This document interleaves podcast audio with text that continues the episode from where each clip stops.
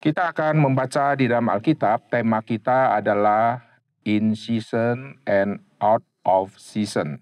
Oke. Okay?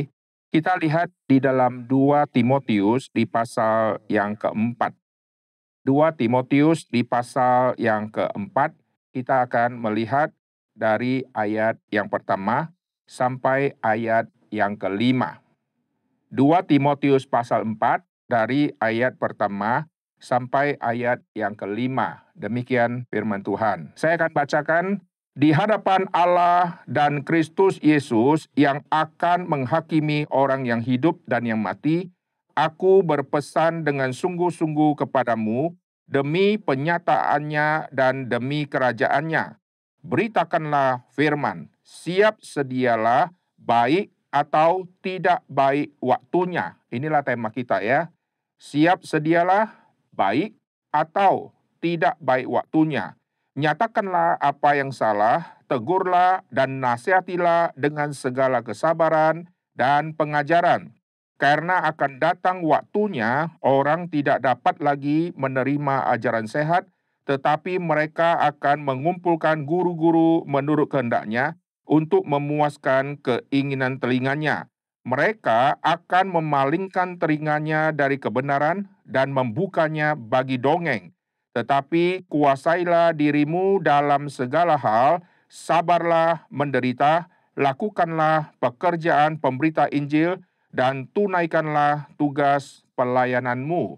Nah ini ayat yang sangat penting karena ayat ini Paulus katakan kepada Timotius di masa akhir hidup dari Paulus. Orang kalau sudah mau mati, dia pasti akan memberikan semacam nasihat-nasihat kepada saudaranya, istrinya, atau suami, atau anak, atau mertua, atau ayah. Semua kalimat-kalimat yang sudah kristalisasi, bukan kalimat-kalimat sampah. Oleh sebab itu, kalau kita lihat di Alkitab, setiap kali ada tokoh-tokoh iman, mereka akan dipanggil Tuhan, mereka keluar kalimat-kalimat yang sangat penting, kita harus pelajari kalimat-kalimat itu. Tetapi ada juga yang tidak ada kalimatnya yang dicatat.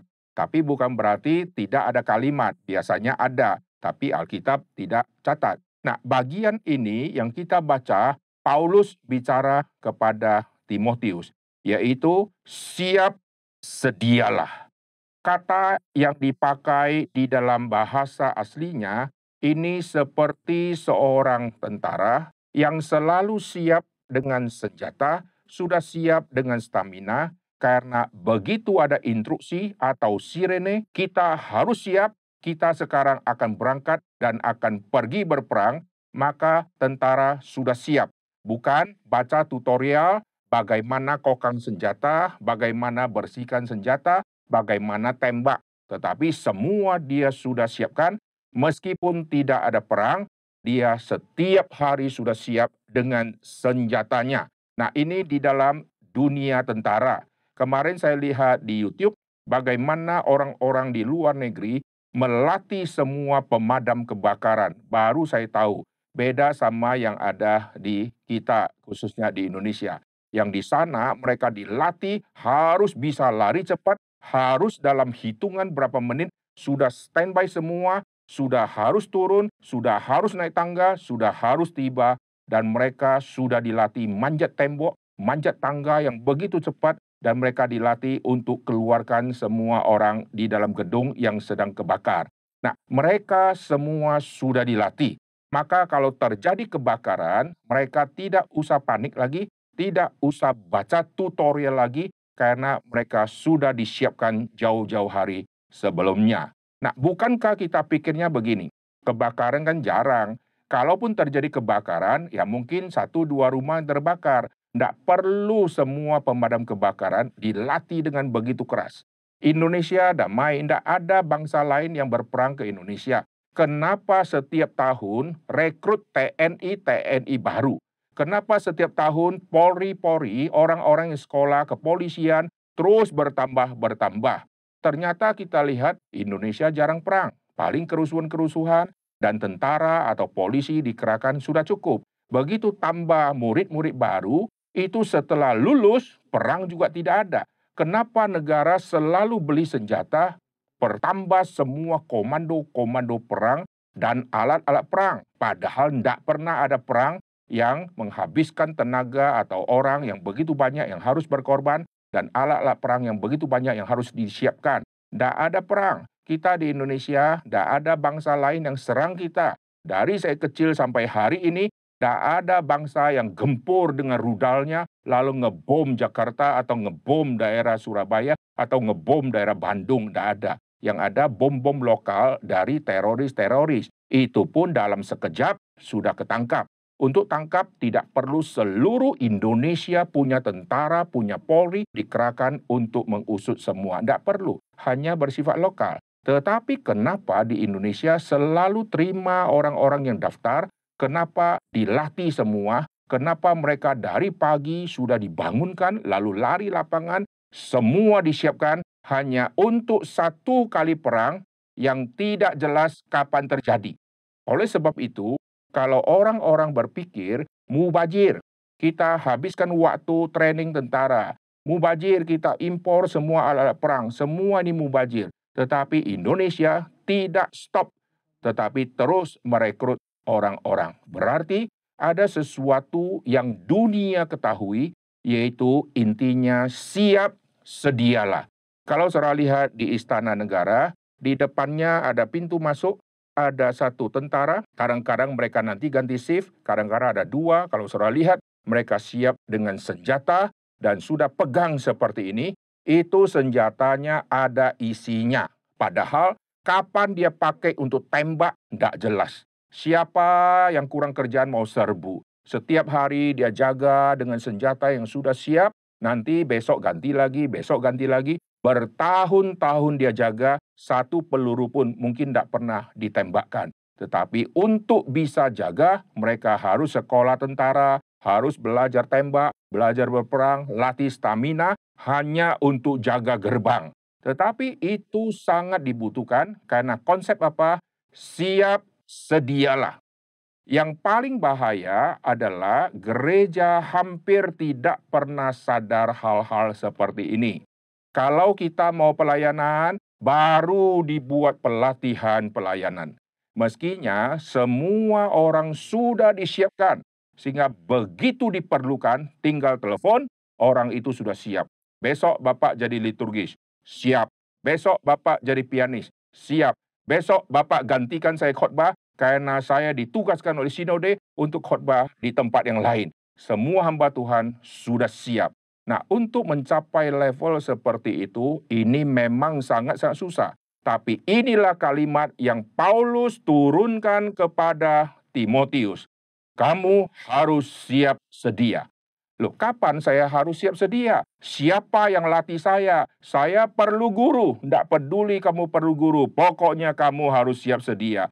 Jadi tidak boleh pakai alasan, saya tidak ada guru, saya tidak ada yang membimbing tapi kamu harus siap sedia. Oleh sebab itu, si Timotius yang masih muda, waktu dengarkan kalimat ini, dia mendapatkan satu tantangan yang sangat besar untuk hidupnya terus bertumbuh, terus mengejar, dan dia harus menjadi seorang yang seperti tentara dengan senjata yang sudah siap.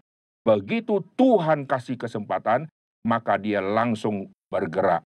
Lalu kita lihat kalimat berikutnya ini menarik karena bahasa asli kalau kita lihat ini memakai kata yang sangat-sangat penting untuk kita dapatkan dia punya makna asli. Tadi siap sedia memakai konteks seperti seorang tentara yang harus sudah siap meskipun perang tidak tahu kapan.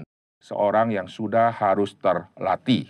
Lalu kita lihat di ayat kedua tadi, beritakan firman, nanti baru saya jelaskan yang ini ya. Siap sedia, baik atau tidak baik waktunya. Kalau kita baca ayat ini, berarti tidak pernah kita bisa alasan untuk tidak lakukan. Selalu kalau kita pakai alasan, kita selalu pakai, aduh hari ini tidak tepat waktunya. Coba tiga hari yang lalu coba minggu depan saya waktunya lebih kosong. Kalau kita baca ayat ini, tidak ada alasan. Baik atau tidak baik waktunya. Bahasa aslinya memakai kata kairos, tetapi ditambah kata di depannya yang baik waktunya. Eo kairos. EU lalu kairos. EU kairos. Eu kairos. Baik waktunya. Ada kata kairosnya. Yang menarik lagi untuk tidak baik waktunya. Dia juga pakai kairos. Tapi di depannya dikasih huruf A. A kairos. Artinya mau baik, mau tidak baik, itu adalah kairosnya Tuhan. Kairos adalah satu titik sejarah yang sangat penting yang tidak terulang. Kalau kronos itu kronologi waktu yang terus ulang-ulang. Hari ini ada pagi, siang, sore, malam. Besok pagi, siang, sore, malam itu kronos, kronologi waktu yang terus lewat-lewat. Tetapi kalau kairos di pagi hari, di jam 8 atau jam 9 ada peristiwa yang penting yang terjadi. Nah, itu kairosnya. Jadi titik penting di dalam sejarah itu kairos. Kalau baik waktunya, eu kairos. Ini kairos Tuhan. Tidak baik waktunya, a kairos. Kalau disimpulkan, semua itu kairos. Sekarang kita mau pelayanan, mendadak langit sudah gelap. Biasanya orang langsung berkata, Tuhan tidak berkenan. Lihat buktinya, awan sudah gelap. Padahal angin bertiup akan membawa awan yang hitam itu menuju ke sisi lain, kita akan ke sisi yang lain. Tetapi karena kita selalu berpikir kalau tidak baik waktunya, maka jangan lakukan. Sekarang kalau kita mau pergi pelayanan, mendadak mobil gereja sudah pecah dua ban. Lalu kita merohanikan, kita mulai pikir, kalau Tuhan perkenan, Tuhan tidak akan kasih gangguan. Berarti ini sinyal Tuhan supaya kita tidak pelayanan hari ini. Mungkin kita akan tabrakan di tengah jalan. Kita selalu berpikir seperti itu. Padahal setiap kali mau pelayanan, gangguan-gangguan yang muncul itu justru adalah ujian dari Tuhan. Saya banyak membawa orang ke pedalaman di Indonesia, setiap tahun membawa orang keliling-keliling, lalu kita penginjilan sampai ke pelosok-pelosok. Saya selalu berkata kepada mereka, perhatikan menjelang hari H, nanti akan muncul banyak gangguan. Nanti anak mendadak sakit, istri mendadak sakit, nanti apa pun bisa terjadi. Kalau kalian bisa lolos, kalian akan diberkati Tuhan. Tetapi kalau kalian merasa, oh saya besok mau berangkat, hari ini anak saya di opname, saya harus batalkan. Karena keluarga harus menjaga, saya tidak ada orang menggantikan menjaga, maka saya batalkan semua pelayanan. Secara sederhana bagus demi keluarga, tapi kita harus pikir begini. Kenapa anak sakit tidak minggu lalu? Kenapa anak sakit tidak di minggu depan? Kenapa pas saya mau berangkat, dia sakit? Ini adalah ujian dari Tuhan. Kau berkata, kau mau. Kau sudah doakan di gereja. Doa untuk semua tim mau berangkat. Kenapa hari H ada gangguan yang kita rasa tidak baik waktunya. Maka kita langsung cancel semua pelayanan. Ini konsep yang salah. Setiap orang makin mendekati hari, makin banyak gangguan, harus terobos. Seperti seorang ibu. Ibu-ibu yang mau melahirkan, menjelang hari kelahiran, seluruh sakit aneh-aneh semua muncul. Apakah ibu berkata, ini semacam sinyal dari Tuhan, karena besok saya mestinya melahirkan, hari ini saya tidak bisa tidur. Saya batalkan melahirkan di besok. Oh hari ini saya mulai pinggang sakit-sakit. Ini sinyal Tuhan, saya tidak boleh lahirkan anak di besok. Semua ibu-ibu menjelang hari kelahiran sakit akan bertubi-tubi, tetapi itu adalah proses sampai anak akan dilahirkan. Paulus mengatakan dirinya seperti seorang ibu yang alami sakit bersalin. Jadi makin mau melahirkan anak, makin mau dapat hasil pelayanan yang bagus, Ibu harus alami sakit bersalin. Dan orang yang melayani harus alami sakit bersalin. Supaya nanti barulah ada bayi-bayi kecil yang muncul di depan. Maka semua ibu rela untuk menerobos semua kesulitan. Tapi kalau sudah bicara hal rohani, sudah bicara pelayanan, besok mau liturgis, hari ini kebanyakan makan kacang, lalu batuk-batuk, lalu dia rohanikan. Dulu saya makan kacang dua bungkus biasa, tapi kemarin baru makan berapa butir sudah batuk-batuk. Kalau begitu memalukan nama Tuhan, nanti besok saya nyanyi lalu suara batuk-batuk. Nanti dikira COVID. Pakai alasan toh? Lalu batalkan pelayanan, minta orang menggantikan. Kita selalu pakai alasan-alasan yang tidak cocok waktunya, tidak mungkin kita lanjut, maka kita batal. Alkitab katakan tidak. Ada kairosnya. Untuk waktu yang baik, ada kairosnya. Eo kairos. Untuk waktu yang tidak baik, juga kairosnya. A kairos. Nah ini bahasa asli memakai kata yang sangat penting, berarti tidak boleh pakai alasan, tidak baik waktunya, saya tidak akan melayani. Saya akan melayani jikalau baik waktunya. Kita kalau pakai alasan seperti itu, saya jamin kita tidak akan bisa melayani. Saya pernah ketemu satu ibu, saya kenal dia sudah sangat lama, lalu waktu ketemu dia di satu gereja, lalu saya tanya dia, Ibu, Ibu kan sudah berumur, ibu jaga anak kecil, ini nggak susah. Dia lari-lari, lalu ibu jaga. Dia bilang, ini cucu saya. Saya sudah berumur, sekarang jaga cucu. Saya hidupnya menyesal. Saya tanya dia, mengapa menyesal ibu? Dulu waktu saya muda, saya masih punya anak yang kecil-kecil. Saya selalu menolak pelayanan dengan alasan, anak saya masih kecil. Tunggu ya, kalau anak saya sudah besar, saya lebih luang waktu, saya akan melayani. Betul dia tidak melayani. Lalu anak makin besar. Anak makin besar, ada kesusahan anak yang besar. Tunggu ya, sekarang anak saya susah diatur. Nanti di masa remaja kalau tidak baik-baik saya temani, nanti sudah besar rusak dia. Maka dari kecil dia punya alasan anak ini masih kecil. Waktu anak sudah remaja, anak remaja susah taat. Saya harus banyak dampingi. Saya tunda dulu pelayanan. Nanti anak sudah pemuda, dia lulus SMA, dia pergi kuliah. Waktu dia pergi kuliah, ibu harus susah-susah cari duit untuk anaknya. Tunggu ya, saya sekarang sedang sibuk harus mencari uang untuk bayar dia punya kuliah. Setelah sekian lama, anaknya menikah. Waktu anaknya menikah, setahun kemudian lahir satu anak. Anak telepon, Mami, saya kan nggak pengalaman jaga anak. Mami bisa ke sini ndak? Temenin saya, jagain anak, mandikan dia, cebokin dia. Akhirnya si ibu tadi pergi untuk jaga si anak yang tadi melahirkan anak itu. Lalu setelah jaga, yang anak sendiri dikasih cakpo, lalu yang cucu dijagain, dimandikan, dan seterusnya. Lalu si anak merasa, wah mami saya cocok di sini. Lalu seterusnya maminya yang jadi babysitter. Lalu mami jaga sekarang cucu. Kapan si mami bisa pelayanan? Mesti tunggu si cucu besar. Setelah si cucu besar, maminya harus mati. Banyak orang selalu pakai alasan-alasan. Ingat, baik atau tidak baik waktunya. Harus siap sedia.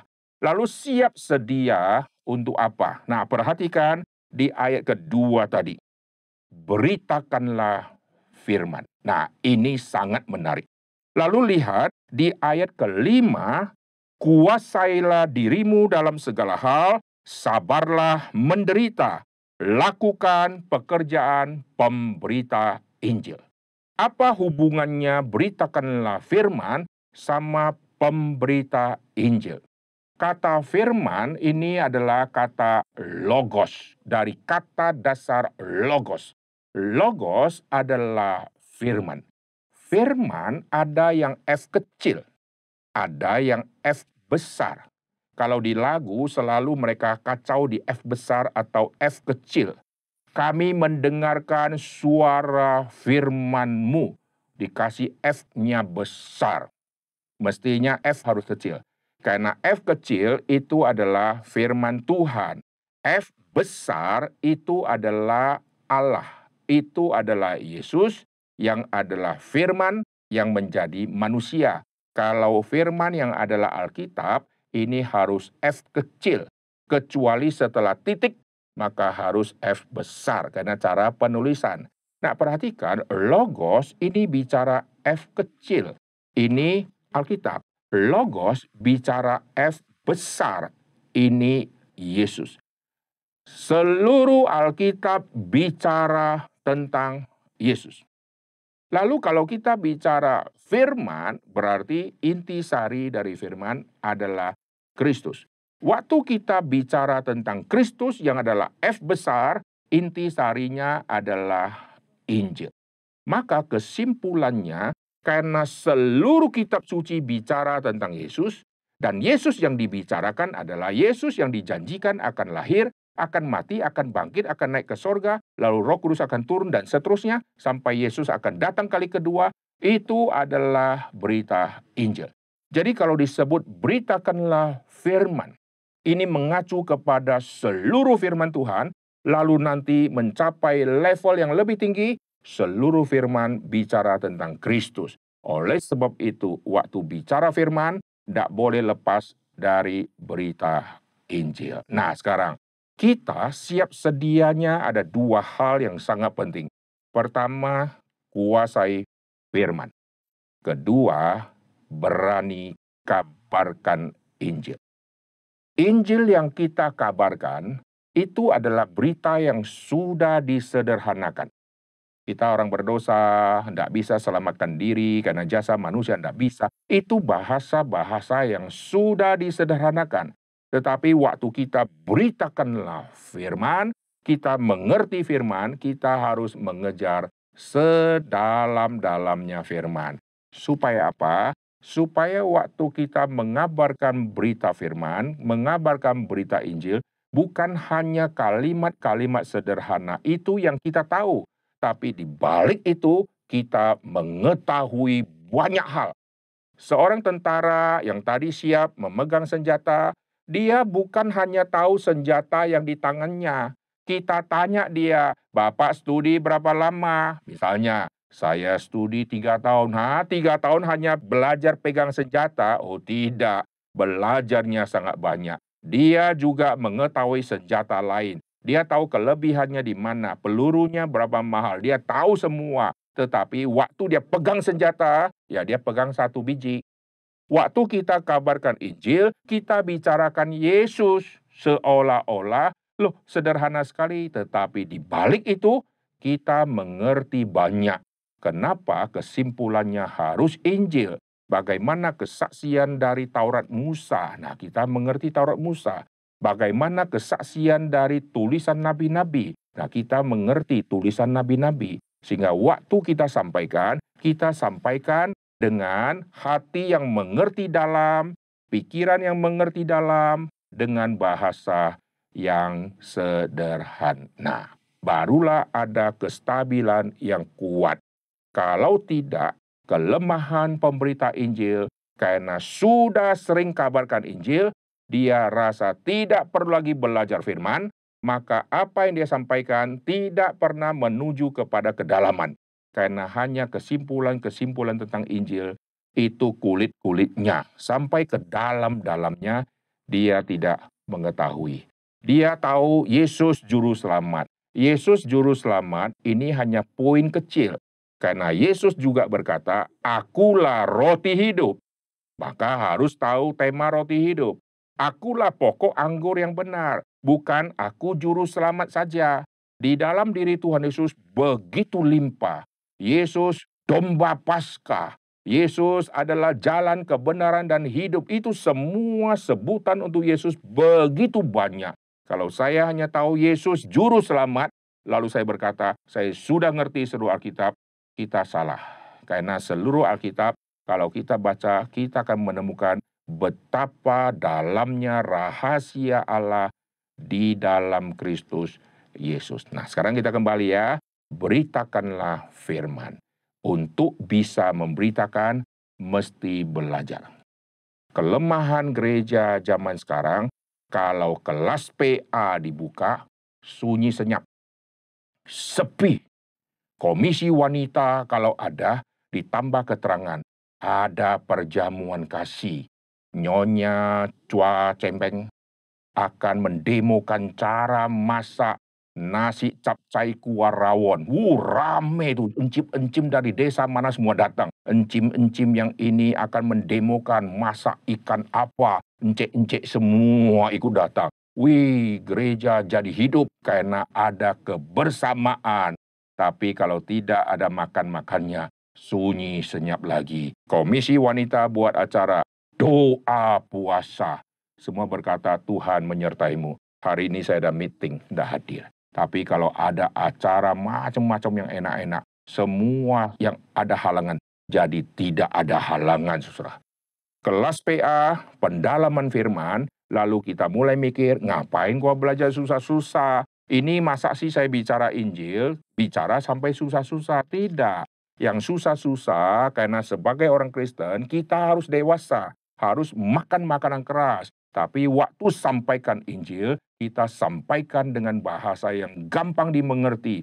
Itulah cara Tuhan Yesus menyampaikan Injil kerajaan sorga dengan bahasa yang gampang dimengerti. Perumpamaan biji sesawi, hal kerajaan sorga, begitu rumit kerajaan sorga, dijelaskan dengan biji sesawi menjadi gampang. Di balik semua pengetahuan Yesus yang begitu dalam, itu begitu banyak rahasia yang dia mengerti. Nah, demikian juga kita ya. Jadi kita siap sedia. Kita harus beritakan firman. Untuk beritakan firman, kita harus luangkan waktu terus belajar mengejar kebenaran. Sehingga setelah belajar, maka sekarang kita beritakan. Waktu kita beritakan, mau hujan kah, mau gempa kah, mau apakah, pokoknya baik atau tidak baik waktunya, saya akan siap sedia untuk kita jalankan semua. Yesus menjadi contoh yang sangat penting. Yesus waktu datang ke dalam dunia, apakah kondisi lagi kondusif? Jawabannya tidak. Karena ada Herodes si gila itu masih ada di bumi. Kondisi tidak kondusif. Begitu Yesus dilahirkan, pembunuhan anak-anak yang ada di Bethlehem. Kenapa tidak tunggu Herodes gila mati dulu? Lalu kondisi sudah aman. Seluruh dunia sudah shalom-shalom. Lalu Yesus datang ke dalam dunia. Yesus datang ke dalam dunia tidak konteks waktunya menurut kita. Tapi itu adalah waktu yang genap. Yesus harus turun. Padahal Herodes gila masih ada di situ. Di dalam zaman Tuhan Yesus, Pontius Pilatus ada di situ. Kenapa tidak tunggu semua setan-setan itu mati dulu? Dan di saat seperti itu, Yesus bertemu dengan farisi-farisi. Kenapa tidak tunggu mereka tua dan bisu tuli lumpuh stroke? Ada imam-imam kepala Kenapa waktu dia datang, orang-orang begitu banyak yang menolak Tuhan Yesus? Kenapa tidak tunggu sampai kondisi kondusif? Ada Yohanes Pembaptis sudah sukses, semua sudah lancar, Yesus baru datang. Di tengah-tengah kesulitan yang begitu besar, Yohanes Pembaptis akan dipenggal kepalanya. Di saat itulah Yesus akan melanjutkan pelayanan yang Yohanes Pembaptis sudah kerjakan, tetapi yang Yesus akan genapkan semua nanti. Yohanes Pembaptis semacam perintis, Yesus yang akan melanjutkan. Padahal itu tidak cocok waktunya. Mesti menunggu semua shalom-shalom. Kengerian begitu luar biasa. Yohanes Pembaptis dipenggal kepalanya. Kalau Yesus pasti juga akan dipenggal. Logika kan begitu. Tapi Yesus tidak boleh dipenggal. Dia harus mati di atas kayu salib. Lalu Yesus sebelum pergi dari dunia ini, Yesus pernah mendoakan murid-muridnya. Dunia akan membenci kamu, tapi ketahuilah mereka membenci aku duluan.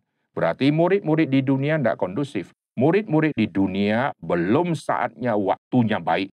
Tapi Yesus akan menyertai mereka. Dan Yesus malah menubuatkan kematian-kematian dari mereka. Ada yang Yesus nubuatkan seperti yang Petrus. Lalu mereka nanti akan mati bagaimana? Semua matinya menggenaskan. Dan mereka yang mengikuti Tuhan Yesus itu di zaman yang tidak cocok waktunya. Tetapi itulah kairosnya mereka mesti ada. Jikalau tidak, kekristenan tidak pernah ada di dalam dunia ini. Sama, kita di dunia ini mau tunggu sampai kapan? Oh, kalian bilang tunggu pemerintah lebih baik. Sekarang di zaman Jokowi baik. Saudara berkata, masih ngeri. Mungkin nanti berikutnya lebih baik. Nanti berikutnya juga muncul orang-orang yang ada pro dan kontranya juga. Pasti tidak baik lagi. Lalu saudara berkata, tunggu nanti pergantian presiden berikutnya menjadi lebih baik. Untuk jadi lebih baik, saudara yang harus jadi presiden. Setelah jadi presiden, baru saudara tahu tidak pernah akan menjadi lebih baik. Alkitab sudah mengatakan dunia akan menjadi semakin rusak. Oke, nah jadi beritakan firman, firman yang F kecil. Beritakan firman di F kecil, seluruh Alkitab bicara tentang logos yang adalah Kristus. Seluruh intisari berita tentang Kristus. Itulah berita Injil. Dan Paulus kasih tahu kepada Timotius, kau di zaman yang memang tidak baik waktunya tanda petik. Karena apa? Manusia akan mencari guru-guru palsu, akan tiba saatnya. Itu semua waktunya tidak cocok untuk kita kabarkan Injil. Karena manusia sudah memalingkan telinga kepada yang palsu-palsu. Tetapi Paulus katakan, ini kairosnya. Kamu harus tunaikan tugas pekabaran Injilmu. Mari kita lihat di ayat kelima. Kuasai dirimu. Padahal di ayat keempat, tidak cocok waktunya. Orang akan memalingkan telinga dari kebenaran. Mesti tunggu semua kuping sudah kebuka, barulah hamba Tuhan diutus. Tapi di konteks yang tidak enak ini, kamu harus kuasai diri. Kamu harus sabar menderita, lakukan pekerjaan pemberita Injil. Ini rahasia besar. Kenapa orang pindah ke ajaran sesat? Bukan karena acara gereja kita tidak menarik. Bukan. Bukan karena musiknya buat ngantuk. Bukan. Karena mereka belum pernah disentuh oleh Injil. Mengapa majelis A sama majelis B bisa ribut dan gereja jadi pecah? Kuncinya di mana? Mereka belum pernah dengar Injil yang sejati. Mengapa ada clash antara hamba Tuhan A sama hamba Tuhan B? Karena belum tahu Injil yang sejati. Kenapa anak-anak muda tidak mau ke gereja? Karena tidak pernah tahu Injil yang sejati. Kuncinya di Injil. Sekarang, kenapa ada orang pelayanan kok ribut-ribut? karena tidak pernah dengar Injil sejati. Kalau saya tahu Injil yang sejati, saya diselamatkan oleh Kristus yang begitu rela menderita untuk saya, yang begitu rela disiksa untuk saya, lalu sekarang saya melayani. Waktu saya melayani, mungkinkah saya menjadi sombong? Saya sudah berjeri lelah seminggu 18 kali ke gereja. Begitu kita tahu Injil sejati, kita senyum-senyum. Yesus datang ke bumi menderita untuk saya. Saya sudah pergi tiga minggu tidak pulang. Luar biasa pengorbanan saya. Karena kita tidak tahu Injil. Kalau tahu kita akan senyum. Yesus tinggalkan sorga 33 setengah tahun untuk saya. Saya tiga minggu saja sudah rese. Langsung kita bungkam. Saya melayani kena lecet, jatuh sepeda motor, ini luka. Wah, saya sudah berjasa tahu Injil sejati, kita langsung diam. Salib Kristus, pengorbanan Kristus, luka Yesus lebih banyak daripada luka sepeda motor saya. Maka langsung diam. Sampai ke gereja. Kenapa saya menjadi bos di dalam gereja? Karena tidak tahu Injil. Yesus berkata, barang siapa mau besar, dia harus menjadi pelayan, harus jadi hamba. Maka semua orang di gereja itu kalau tahu penting tentang Injil, tentang Kristus, dia akan menjadi anak Tuhan yang baik. Kenapa orang pindah ke ajaran sesat? Karena Kristus yang sejati dia belum tahu khasiatnya. Maka dia kira ada khasiat yang lain yang lebih besar, maka dia pindah ke gereja yang lain. Kenapa anak remaja tidak mau ke gereja? Karena belum pernah disentuh hatinya oleh Injil, sehingga dia masih di dalam kegelapan. Kesalahan orang zaman sekarang, kalau orang sudah tua dan mau mati, Baru penting Injil. Pendeta baru di calling. Pak pendeta bisa nggak ke rumah sakit sekarang? Karena papaku sudah koma. Dia belum terima Yesus pak. Selalu sudah mau mati baru telepon Pak Pendeta. Tapi saya jarang dan hampir tidak pernah tahu ada orang berkata begini. Pak Pendeta bisakah ke rumah saya? Anak saya sekarang sudah bisa ngerti bahasa. Dia sudah bisa baca. Bisa ke rumah nggak? Injili anak saya. Hampir tidak pernah muncul kalimat itu. Karena bagi kita, anak kecil masih hidupnya panjang. Semua orang yang sudah mau mati, dia yang perlu Injil. Akibat itulah yang membuat kita merasa Injil tidak penting, misi tidak penting, dan kalau ada misi, kalau baik waktunya saya ikut. Kalau tidak cocok, saya tidak ikut. Anak lagi ujian, saya tidak ikut. Anak semua sudah lancar-lancar, saya tidak ikut. Karena anak minta liburan, sudah satu tahun saya janji sama dia. Intinya semua bisa dijadikan alasan kalau orang itu tidak tahu anugerah Injil yang begitu besar. Kalau kita tahu anugerah Injil yang begitu besar, tidak berani kita sombong. Maka relasi si A, si B di gereja menjadi akur. Hamba-hamba Tuhan yang menjadi pelayan-pelayan di gereja adalah hamba-hamba Tuhan yang mengerti salib Kristus, mengerti pengorbanan Kristus. Kalau Kristus mati untuk hamba Tuhan yang itu, kenapa saya benci dia? Saya dicintai Kristus, Kristus juga cintai dia. Oleh sebab itu, saya juga harus mencintai dia. Maka seluruh gereja menyebai jikalau Injil sejati yang diterima. Oleh sebab itu Paulus berkata, untuk engkau lihat kondisi akan mencekam, yaitu kita lihat di ayat yang ketiga tadi. Tidak dapat menerima ajaran sehat. Mereka akan mengumpulkan guru-guru menurut kehendaknya. Maka hamba-hamba Tuhan yang mencari masa, caranya gampang. Siapkan khotbah-khotbah yang menyenangkan kuping. Hamba Tuhan itu akan laku. Yang tidak menyenangkan kuping, dimutasi ke gunung seberang, saudara ya. Mari kita lihat ya, mencari guru-guru menurut kehendaknya untuk memuaskan keinginan telinga, maka tidak heran sampai hari ini ada gereja yang sebelum khotbah ada stand up komedi. Buat ketawa dulu, baru hamba Tuhan berkhotbah. Ini kengerian di dalam gereja sudah terjadi sampai hari ini. Pokoknya kalau hamba Tuhan khotbah tidak menarik, Begitu ada stand up komedi muncul semua langsung rame yang datang. Bukan mau dengar firman, tapi mau dengar lucunya, saudara ya.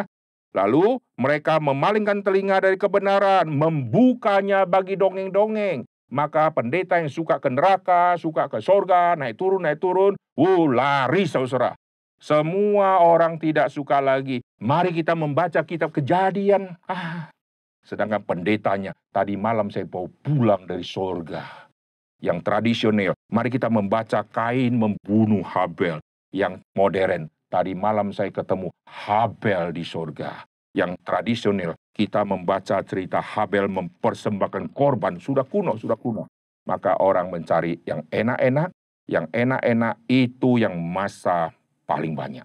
Lalu gereja mulai kehilangan identitas, kita gereja kenapa tidak maju? Lihat, itu mereka bisa maju. Karena lampu gereja dia kasih kelap-kelip. Kita rubah lampunya, salah fatal. Lihat pendeta khotbah, jangan pakai jas. Dengan pakai jas kita ada gap. Kita harus pakai celana jeans, lalu baju kaos, dan kita khotbah, jangan di mimbar, kaku. Ini begini-begini, kalau dipercepat tangannya cuma begini-begini. Tapi mereka bisa jalan sini, jalan sana. Mari kita rubah. Hamba Tuhan semua rubah. Rambut jangan sisir begini, sisir ke atas. Wah, menarik saudara ya. Nanti anak muda akan datang. Wish. Lalu musik dibuat yang seru-seru. Itu semua salah fatal. Mereka tidak ada Injil. Maka mereka merasa inilah inti ibadah. Ibadah yang sejati bukan lighting. Musa di padang gurun, tidak ada lighting. Musa di padang gurun, tidak ada sound system. Musa di padang gurun, semua tidak ada. Tapi tiang awan, tiang api menyertai mereka di tempat yang gersang. Dan di situlah mereka akan beribadah kepada Tuhan. Karena firman. Dengan adanya firman pun, orang-orang Israel generasi pertama ditumpas habis. Apalagi tidak ada firman. Oleh sebab itu, gereja jangan salah langkah. Oh, kita gereja berkurang, kita mesti rubah. Karena apa? Kita kurang hangat. Supaya hangat, kita banyakin acara-acara kebersamaan. Itu rame karena ada makan. Begitu tidak ada makan, tetap sepi. Makanan disajikan yang tidak cocok untuk si A, dia tidak akan makan. Lalu yang keasinan, dia akan komplain. Makanan hari ini tidak enak. Yang masak langsung tersinggung. Wah, Relasi tambah baik? Tidak, tambah rusak. Makanan hari ini kurang ada rasa, kita komplain. Yang masak ada di samping. Relasi saya sama yang masak langsung jadi ada gap karena saya kritik makanannya. Lalu yang makannya enak luar biasa, kita puji-puji dia terus. Yang tidak enak, kita rasa tidak enak. Akhirnya relasi jadi rusak, yang kita pikir relasi akan baik. itu semua salah fatal. Oke, sekarang saya simpulkan ya. Baik atau tidak baik waktunya, kabarkanlah firman. Kata baik waktunya. Itulah kata yang muncul saat Yudas waktu mempersiapkan waktu yang baik untuk menyerahkan Tuhan Yesus. Orang yang kayak Yudas tahu memakai kata kairos tadi. Kita tahu semua kairos, tapi kita tidak mau lakukan. Akhirnya Yudas melakukan hal itu. Yudas jual Tuhan Yesus karena dia tunggu waktu yang baik. Habis itu Yesus dimatikan dan Yudas harus mengambil jalannya yaitu bunuh diri. Karena Tuhan tidak menyertai orang seperti itu.